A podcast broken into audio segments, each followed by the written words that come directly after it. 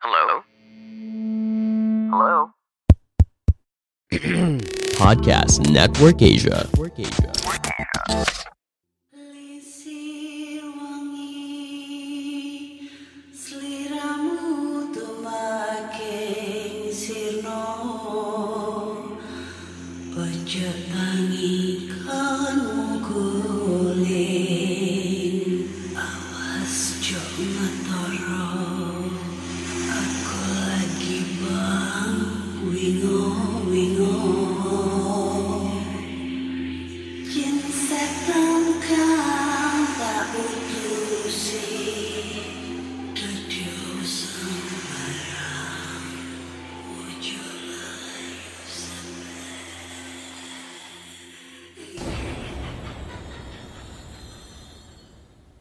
Assalamualaikum warahmatullahi wabarakatuh. Selamat datang di podcast Kisah horor.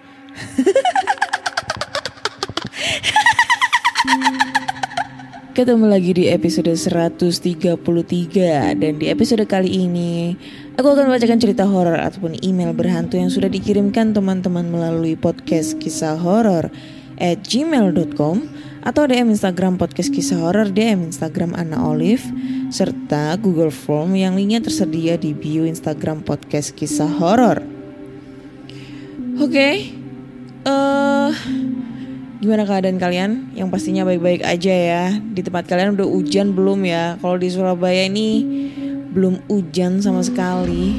Buh, panas banget, sebanget bangetnya. Udah dua hari ini ya dari kemarin itu eh, suhu udara di Surabaya itu 34 sampai 35 derajat Celcius gila. Panas banget. Sedangkan wilayah-wilayah lain di Jawa Timur itu udah mulai hujan. Itu aduh gila panas banget sumpah. Nggak kuat anjir. Terus aku juga mau ngomongin nih sayang banget ya belum ada partisipan nih sampai hari ini eh dari pendengar podcast kisah horor yang ikutan giveaway podcast kisah horor ya karena pas aku cek di Instagram podcast kisah horor dan aku cek di hashtagnya eh belum ada satupun yang mengikuti atau mungkin yang ngebuat challenge dari podcast podcast kisah horor ya. Ya mungkin kurang kurang menarik gitu ya. It's okay nggak apa-apa. Masih tetap aku tunggu sampai tanggal 23 Oktober ya. Tapi kalau emang sampai tanggal 23 Oktober ini belum ada satupun yang ngirim. It's okay. Nggak apa-apa. Masih ada kesempatan di lain waktu gitu. Oke, langsung aja kita bacakan cerita horor kali ini ya, karena kayaknya itu eh, ada salah satu cerita. Tadi aku ngeliat sekilas sih salah satu cerita horor yang kayaknya tuh panjang banget ceritanya ya. Gak ngerti sehoror apa ceritanya sampai sepanjang itu dan mungkin nih bisa bakal jadi satu episode doang ya satu cerita ini. Semoga ceritanya gak eh, mengecewakan hehe gitu ya oke langsung aja kita bacakan ceritanya. Dan cerita ini datang dari pendengar podcast kisah horor yang nggak mau disebutkan namanya. Jadi sebenarnya dia menceritakan di sini sebenarnya ceritanya itu udah pernah di up di kaskus ya. Oh, udah lama banget di upnya di kaskus dan dia lah lagi pengen ngebagi ceritanya di podcast kisah horor. Nah, buat teman-teman nih eh, bakal aku bacain ceritanya. Semoga cerita kali ini mungkin ada yang udah pernah dengar, ada juga yang belum denger ya eh, cerita di kaskus ini. Oke, langsung aja kita baca ceritanya. Sesekali dalam sekian tahun, saat keluarga besar berkumpul, biasanya banyak cerita yang dibicarakan di antara para orang tua di ruang tamu. Dan anak-anak kecil, sebagian ada yang bermain di dalam atau luar rumah. Sedangkan sebagian lagi mendengarkan cerita para orang tua atau saudara-saudara yang datang. Nah, kali ini Kak Ana, aku mau bercerita tentang pengalaman aku yang sudah aku rangkum sedemikian rupa. Tadinya cerita aku ini udah pernah aku up di Kaskus pada tahun 2016. Dan kali ini setelah lima tahun aku pengen berbagi cerita nih sama pendengar podcast kisah horor. Semoga Kak Ana suka dengan ceritaku kali ini ya. Hehehe. Oke, langsung aja Kak. Aku adalah salah satu anak yang suka mendengarkan cerita mereka. Karena biasanya banyak yang cerita lucu seperti masa kecil orang tua aku, masa remaja hingga akhirnya menikah. Tapi yang akan aku ceritakan bukanlah cerita lucu, melainkan cerita yang cukup seram didengar bagi anak kecil seusia aku saat itu. Kelas 6 SD, 12 tahun. Yang pertama adalah Jin Tomang. Ini kisah dua orang kakak ipar laki-laki dari ibu aku sekitar tahun 80-an. Di mana keduanya saat itu baru berumur 30-an awal dan mempunyai usaha percetakan kalender di daerah Tomang, Jakarta Barat. Mereka bekerja dari jam 8 pagi dan selesai bekerja jam 8 malam. Biasanya karyawan sudah pulang jam 8 kurang Sedangkan mereka berdua beres-beres hingga pukul 8 malam. Ada sebabnya kenapa mereka bekerja hanya sampai jam 8 malam. Dikarenakan bila lewat dari jam tersebut, sering diganggu oleh penghuni tempat tersebut. Biasanya ada bunyi-bunyi seperti tiupan angin, padahal ruangan tertutup dan tidak ada jendela yang terbuka bunyi peralatan percetakan yang terjatuh, hingga bayangan sekelibat di sekeliling ruangan tersebut. Puncaknya terjadi saat terima banyak orderan yang menyebabkan perlu lembur hingga malam untuk menyelesaikan permintaan customer. Jam 12 malam baru selesai. Dan untungnya selama itu tidak ada gangguan. Karyawan pulang dan paman aku menutup pintu setelah beres-beres peralatan. Saat melangkahkan kaki keluar, dari dalam rumah terdengar suara yang gaduh seperti ada yang berantem di dalam rumah sambil lempar-lemparan barang. Ternyata, eh, penasaran karena takut ada pencuri, mereka masuk ke dalam untuk melihat ada apa. Ternyata semua peralatan percetakan melayang ke sana kemari berhamburan, berantakan. Banyak yang berjatuhan hingga rusak. Keduanya tidak bisa bergerak karena takut dan hanya menyaksikan semuanya terjadi. Tidak lama, tapi cukup membuat semuanya porak-poranda. Dan tiba-tiba semuanya hening. Lalu mereka pulang tanpa membereskan dan paginya saat karyawan sudah datang, semuanya terheran-heran tentang apa yang terjadi. Itulah hari terakhir kedua paman aku usaha di sana. Karena semenjak kejadian tersebut, mereka pindah tempat. Usut punya usut, ada jin tomang yang tidak suka dengan kehadiran mereka di sana. Oke, ini aku aku uh, jeda dulu ya karena aku ini karena ada part-part banyak nih ya.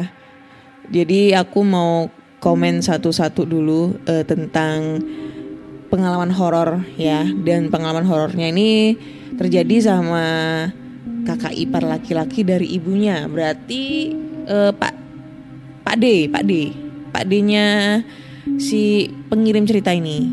Jadi eh, Pak D-nya ini diganggu sama Jin Tomang ya. Sebenarnya Jin Tomang ini sebutan eh, karena emang lokasinya itu ada di sekitar daerah Tomang, Jakarta mana? Jakarta Barat gitu. Karena nggak ngerti ya ini setan apa gitu. Akhirnya disebut Jin Tomang. Kayaknya kayak gitu ya. Sok tahu banget aku anjir bangke.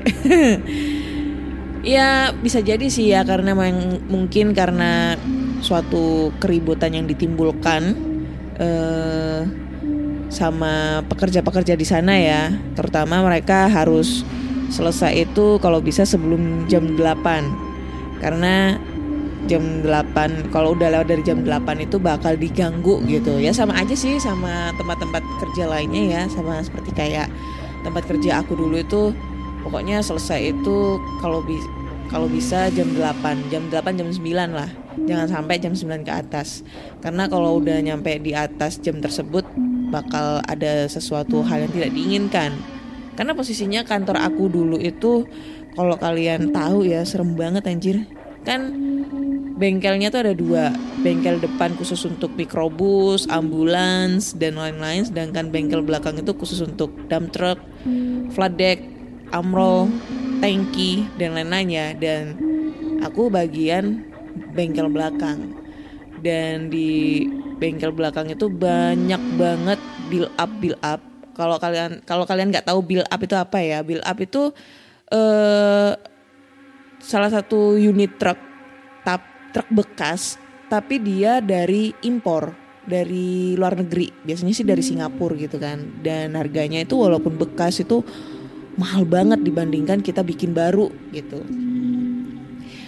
Dan di situ tuh pastinya build up build up itu pernah banget lah terjadi sesuatu hal yang tidak diinginkan seperti bekas tabrakan atau mungkin ada sesuatu hal yang buruk terjadi pada kendaraan tersebut. Terus di belakangnya itu ada da- ada kayak rawa-rawa gitu.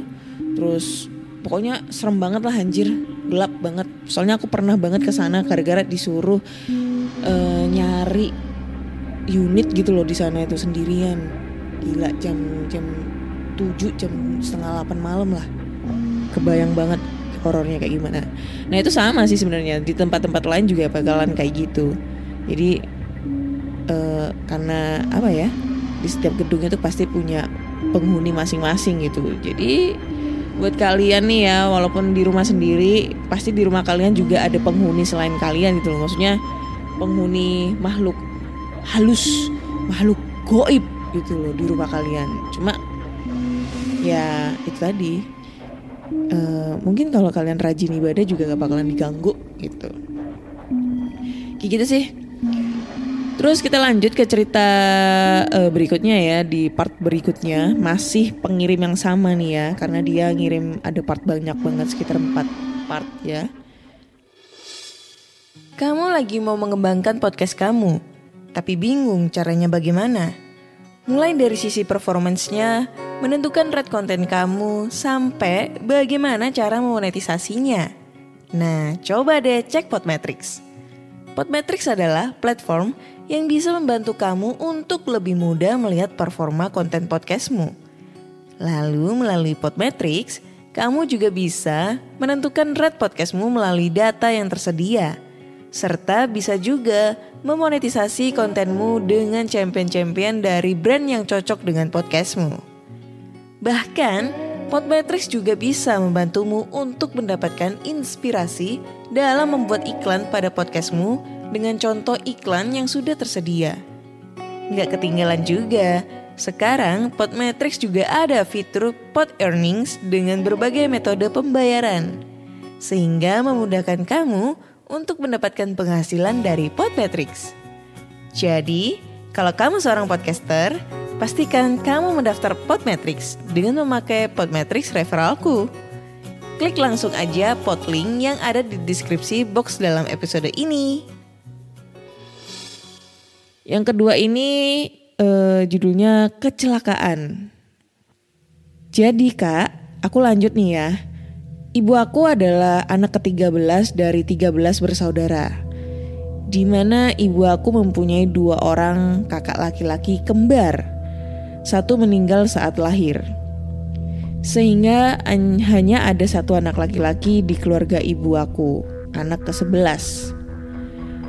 Ayah dari ibu aku sejak kecil telah diramal oleh orang tuanya bahwa akan kesulitan untuk punya anak laki-laki atau bahkan hampir pasti tidak akan punya anak laki-laki.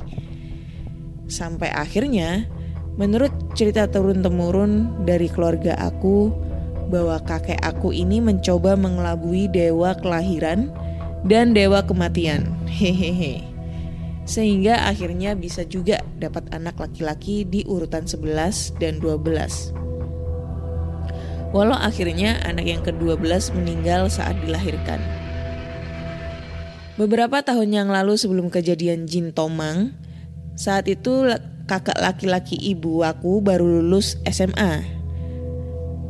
Hasil penerawangan dari kakek aku, di tahun tersebut kakak laki-laki dari ibu aku ini dalam bahaya.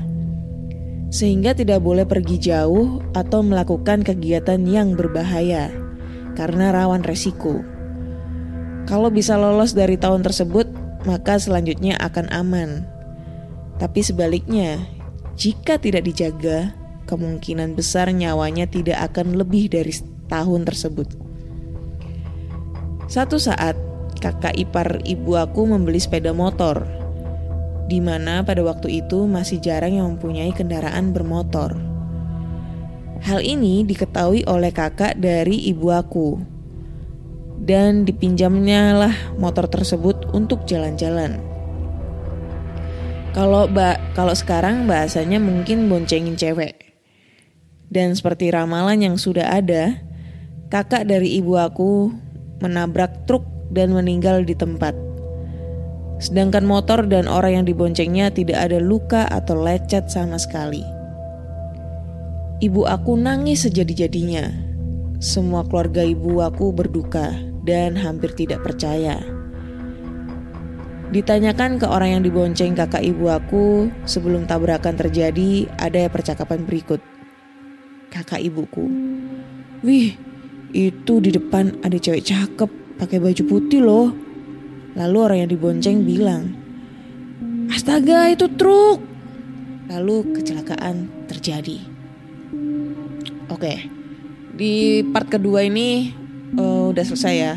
Jadi dia bercerita bahwa mungkin uh, ibunya ini adalah anak ketiga dari dari 13 bersaudara dan dua di antaranya kakaknya itu kembar laki-laki. Jadi eh 10 saudaranya itu perempuan semua gitu ya. Tidak ada laki-laki. Terus eh aku agak agak ini ya agak kayak gimana ya speechless dengan kata-kata dewa kelahiran dan dewa kematian. Ah, kalau ada omongan kayak gini sih kayaknya ini yang kirim cerita ini orang Chinese ya. Jadi kepercayaannya itu ya kayak gitu gitulah. Ya mana ada orang muslim dewa kematian sama dewa kelahiran gitu kan terus dia kayak ngelakuin mungkin kakeknya pada pada zaman itu tuh uh, orang orang pinter ya. Bukan orang pinter dukun sih maksudnya. Tapi lebih ke apa ya? Ya pokoknya adatnya orang sana lah ya. Adatnya orang sana itu gimana sih cara cara kita itu kayak berdoa terus. Dan ternyata dia itu dianugerahi sebuah uh, apa ya? Dianugerahi kayak gitulah yang bisa ngelihat masa depan. Kayak indigo model-model kayak indigo gitu ya. Dan akhirnya dia berusaha untuk uh, meminta kepada Tuhannya untuk agar diberi anak laki-laki gitu. Tapi uh, si kakeknya bilang kalau sampai apa namanya kalau dia tuh nggak bakalan eh kalau dia tuh nggak bakalan dapet anak laki-laki gitu. Kalau misalnya mereka uh, dia dapat anak laki-laki anak anak laki-lakinya nggak bakal hidup lama gitu. Yang aku tangkap sih seperti ini ya. Percaya apa enggak ya? Percaya nggak percaya eh, nggak uh, tahu ya karena setiap kultur adat istiadat itu berbeda-beda. Kepercayaannya juga beda-beda. Ya mungkin kalau secara islami untuk masalah oh lu nggak bakalan bisa dapat anak laki-laki nih karena apa segala macem. Ya mungkin karena apalah gitu loh. Pokoknya secara agamis itu agak dipercaya tapi kalau masalah dewa-dewa uh, untuk ngelabuhi berdoa ngelabuhi mungkin agak kurang kurang percaya ya skeptis gitu. Tapi kalau untuk agama-agama lain mungkin masih bisa ditolerin. Ya mungkin udah takdir kali ya. Kalau kalau aku ya ngiranya takdir takdir kali gitu loh. Karena apa? Karena kakak aku sendiri anaknya lima, cewek semua.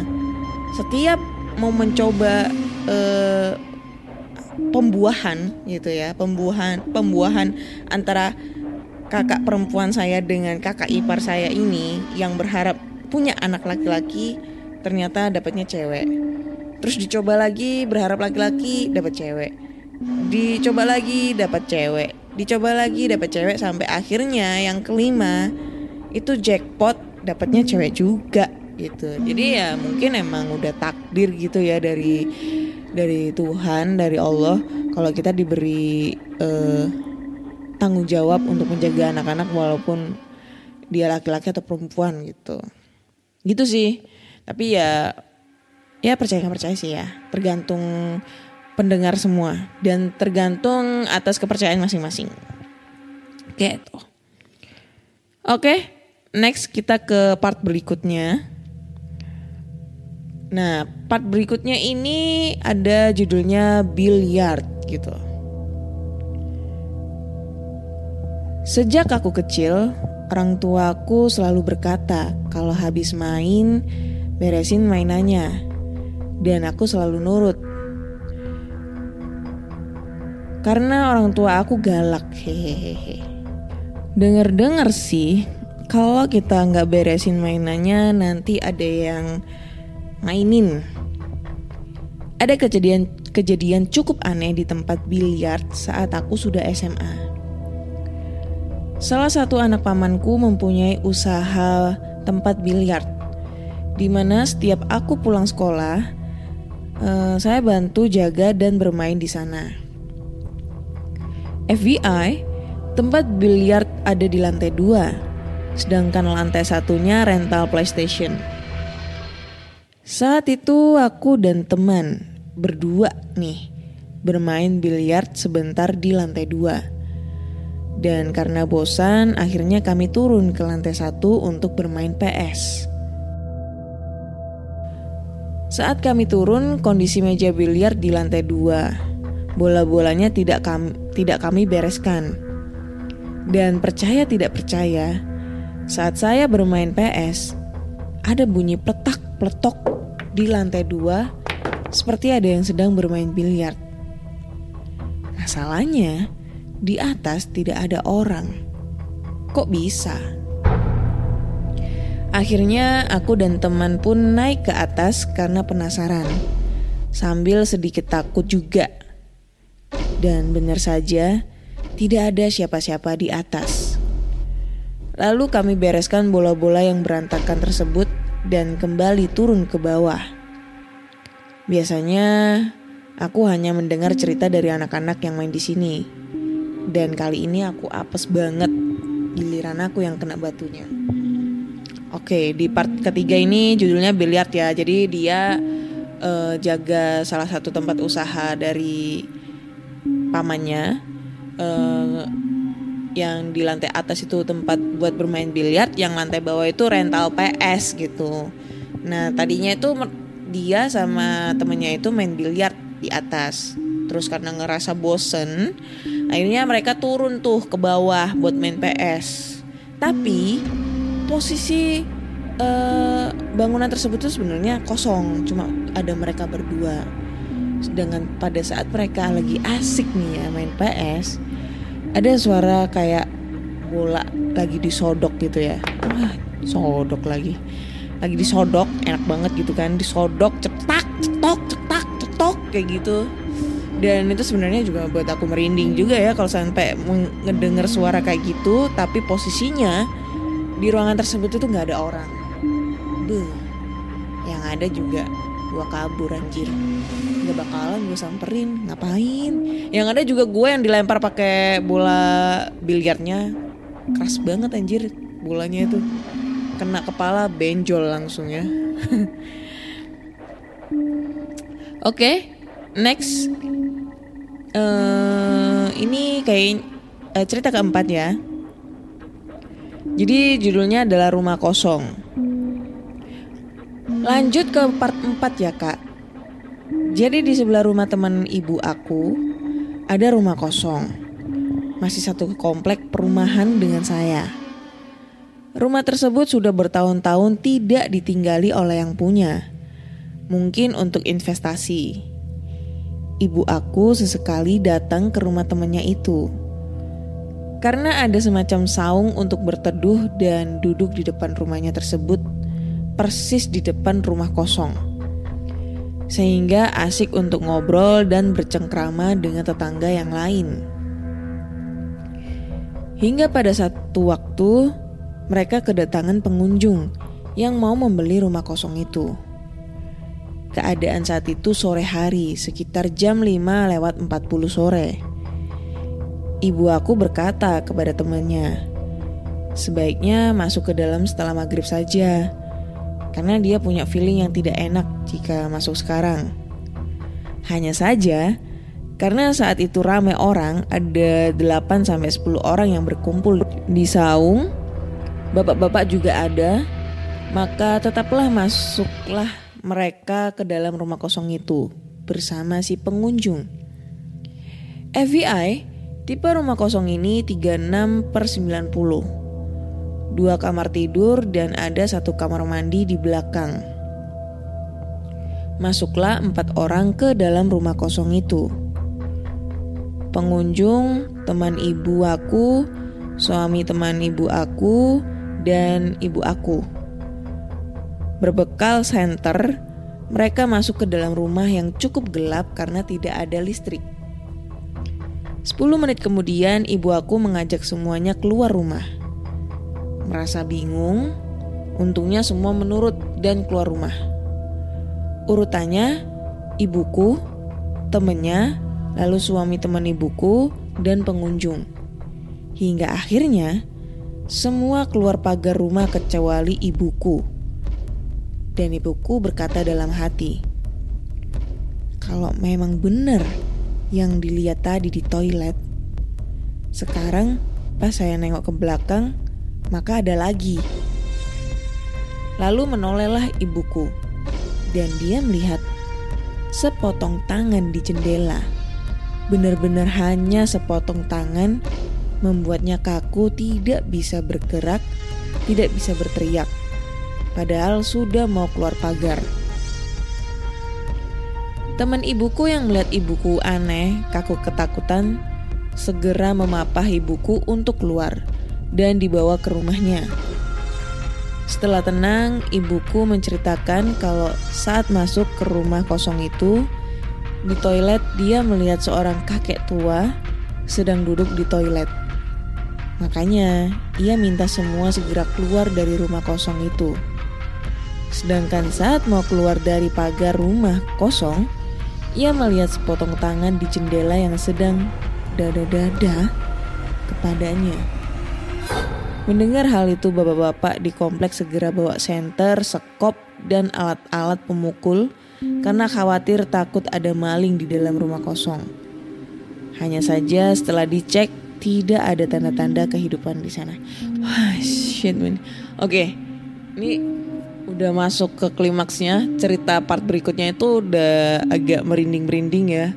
Pas di bagian si ibunya uh, pas di bagian ibunya ini ngelihat sosok kakek-kakek yang duduk di toilet itu sih masih belum merasa merinding ya. Tapi pas dia bercerita di bagian ibunya pas noleh ke belakang ngeliat ada sepotong tangan yang lagi dada-dada ke dia. Wah anjir, gila. Jadi ini kalau aku bisa bayangin ya, ini ruangan nih, rumah. Uh, posisinya ibunya udah di luar dong, udah mau keluar pagar kan. Jadi udah udah agak terang gitu loh nggak gelap nggak di tempat gelap. Terus ibunya noleh ke belakang niatnya buat mastiin uh, itu orang apa enggak intinya kayak gitu. Pas dia noleh wanjir ini pokoknya ini ruangan gelap banget terus tiba-tiba muncul tangan pret kayak di film-film terus dada-dada wih. Merinding merinding sampai ke bawah merinding anjir soalnya aku ngebayangin nih posisinya kalau misalnya itu tuh aku gitu loh. Terus uh, kejadiannya itu aku juga didada-dadain dalam kondisi di lokasi tersebut tuh gelap cuma muncul tangan doang yang lagi dada-dada. Anjir wah. Wah pingsan bro. Gila nggak bisa ngebayangin ini mah. Coba kalau ini ada di posisi kalian pasti juga kalian tuh ngerasa kayak nge-freeze gitu badannya. Kaku nggak bisa ngomong nggak bisa teriak dan cuma terpana doang ngeliat itu to- itu tangan ya. Hah. oke deh. Ini ada cerita bonus nih katanya. Kita baca aja ya cerita bonus. Jadi Kak Ana ini ada cerita bonus nih dari aku. Cerita terakhir dan cerita penutup buat episode kali ini Jadi teman kantor aku cerita bahwa teman kerjanya dulu punya pengalaman yang cukup menyeramkan Namanya si A. A ini anak desain di kantornya yang ada di salah satu gedung pencakar langit di Jakarta. Suatu waktu mereka janjian satu divisi sepulang kantor untuk nonton bioskop bareng-bareng. Hanya saja karena sudah deadline, A ini lembur ditemani temennya si B di kantornya di lantai 20. Sedangkan anak-anak yang lain, C, D, dan E duluan ke bioskop untuk beli tiket dan cemilan. Hingga jam 9 malam berbunyi. Telepon si A. Ternyata temen temen-temennya di bioskop nanyain kapan segera nyusul. Saat A mengangkat telepon, si B bilang, gue ke toilet dulu bro. Lalu dijawab oleh si A, oke. Lalu si A jawab telepon temennya bahwa bentar lagi dia nyusul ke bioskop. Begini kira-kira percakapannya. C ngomong ke A, Emang lu gak takut ya sendirian di kantor? Gue ditemenin si B kok. Ah gile lu. Si B ada di sini sama gue. Eh, mana ada? Dari tadi dia temenin gue di sini. Barusan ke toilet tuh anak. Terus si C ini send selfie, kirim foto selfie-nya B, C dan eh B, C, D dan E. Si A ini langsung shock dan dalam hati terus yang nemenin gue dari tadi siapa anjir? Buruan deh, lu pergi dari kantor. Lalu si A matiin telepon, ambil tas, langsung ke lift. Aduh, merinding bro, sumpah. Waktu mencet lift ke bawah, nongollah si B dari toilet ke arah lift. Begini percakapannya kira-kira. B ke A. Woi, kok lu ninggalin gue sih? Udah mau balik loh. Eh, udah mau balik loh. Terus si A ngejawab, iya nih. Terus, aduh, kok. Lalu si B ini menjawab, udah mau balik? Apa udah tahu? Wah anjir, tebak dong.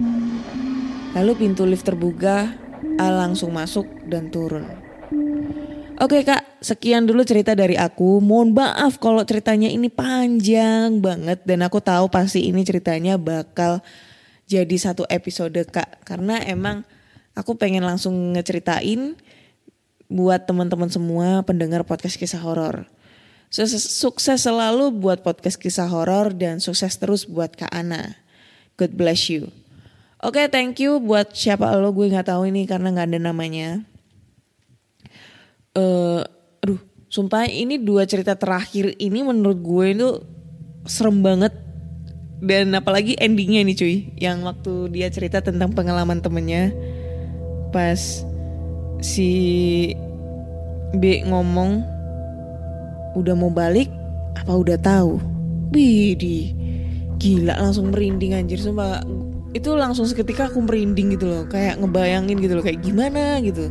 Nah kata-kata seperti ini tuh aku tuh pernah inget banget tentang kasus kejadian eh, dosen hantu hantu dosen kalau kalian pernah tahu tahu nggak sih yang videonya pernah viral di sosmed kalau nggak salah sekitar tahun 2017 atau tahun berapa aku lupa banget tapi dia tuh pernah viral di sosmed jadi pada saat itu ini gue flashback lagi dan ingetin ke kalian ya ceritanya ya. agak sedikit-sedikit inget sih. Jadi kalau misalnya ada yang eh, salah atau mungkin ceritanya kurang mau dimaklumi. Jadi yang pernah aku baca atau pernah aku dengar nih ya karena kejadian tersebut itu ternyata eh, kampus salah satu youtuber gede di Semarang gitu. Karena itu kampusnya terletak di Semarang.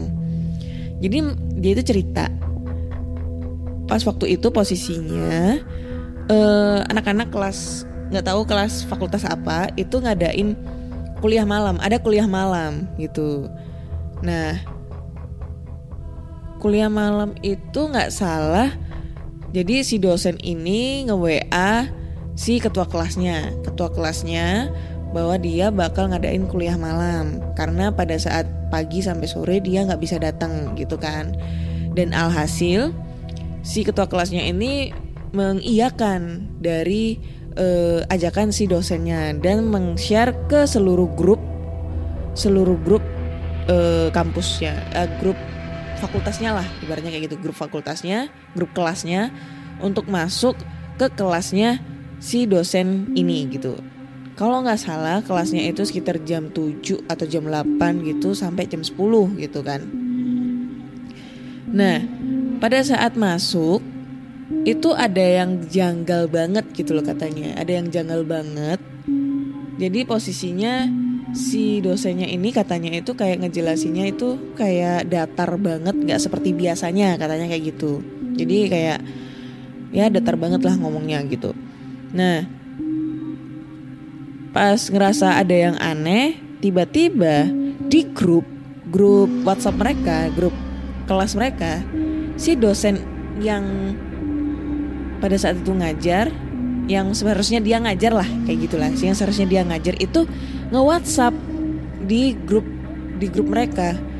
Dia ngejelasin bahwa beliau tidak bisa hadir mengajar hari itu juga dikarenakan sakit gitu. Jadi kelasnya itu diliburkan. Nah pada heboh dong semuanya. Pada share grup di eh, pada ngecat di grup-grup masing-masing. Terus mikir berarti siapa ini yang ada di depan kelas lagi ngejelasin lagi nerangin gitu kan? Akhirnya si ketua kelas ini punya punya inisiatif ngejatuhin bolpen ke bawah dengan maksud mau ngeliat ini orang napak apa bukan? gitu. Maksudnya kakinya napak apa bukan? Dan pas dijatuhin bolpennya tiba-tiba eh, si dosen tersebut itu keadaan melayang. Dan pas dia udah ambil kaget shock dan pas dia mau kembali ke duduk semula tiba-tiba dosennya itu nyamperin. Terus dia bilang udah tahu ya? Wanjir heboh. Langsung pada lari keluar gak ada yang berani masuk lagi. Tapi posisinya si dosen tersebut itu masih stuck di dalam kelas tersebut gitu. Dan masih dalam keadaan berdiri membelakangi pintu dan membelakangi eh, mahasiswi-mahasiswinya. Karena pada saat itu mereka lari mahasiswa eh, mahasiswa-mahasiswinya tuh masih nungguin di depan kelas gitu loh ngeliatin gitu loh. Gila. Itu pernah viral anjir. Pernah pernah booming pada saat pada masanya ya. Karena eh itu sampai apa ya pokoknya seluruh Indonesia itu viral banget apa tahu gitu loh dengan ceritanya kalau nggak salah itu ceritanya barengan sama ada salah satu kampus yang ngadain apa ya kayak ibaratnya workshop gitu. Tiba-tiba ada yang nyanyi. Padahal mikrofonnya dimatiin. Nah itu itu juga katanya di daerah mana ya? Gue lupa. Di daerah Solo katanya. Gitu. Beuh, serem anjir. Nah buat kalian-kalian pernah nggak ngalamin hal yang seperti ini? Maksudnya dalam arti ketemu sama temen tapi teman-teman yang kita temui itu bukan manusia melainkan hantu. Dan tiba-tiba endingnya ngomong "Ah, udah tahu ya? Wih anjir gila. Serem banget anjir. Ya gitu deh. Oke thank you banget buat teman-teman semua yang udah ngedengerin podcast kisah horor di episode 133 ini ya. Jadi di episode 133 ini agak sedikit spesial karena aku ngebacain satu cerita aja yang sebenarnya satu cerita ini udah banyak banget ceritanya, panjang banget ceritanya dan ada part-partnya gitu ya. Maksudnya judul masing-masing lah. Thank you banget buat eh, masnya ini yang udah kirim cerita. So buat teman-teman semua kalau kalian penasaran atau mungkin kalau kalian pengen ngedengerin cerita yang lainnya, kalian bisa langsung dengerin di podcast kisah horor di Spotify, Google Podcast, Apple Podcast, eh, Anchor ataupun di Noise gitu. Jangan lupa follow eh, podcast kisah horor di Spotify dan follow podcast kisah horor di Instagram ya. Terus eh, buat kalian semua yang pengen kirim-kirim cerita, berbagi cerita, sharing-sharing cerita tentang pengalaman horor, kalian bisa langsung aja kirim ceritanya ke podcast kisah horor at gmail.com atau DM Instagram podcast kisah horor, DM Instagram Ana Olive serta Google Form yang linknya tersedia di bio Instagram podcast kisah horor. Akhir kata saya Ana undur diri dan sampai jumpa.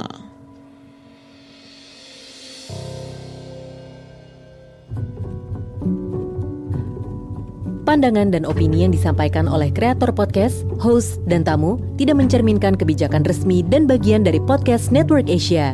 Setiap konten yang disampaikan mereka di dalam podcast adalah opini mereka sendiri dan tidak bermaksud untuk merugikan agama, grup etnik, perkumpulan, organisasi, perusahaan, perorangan, atau siapa pun dan apa pun.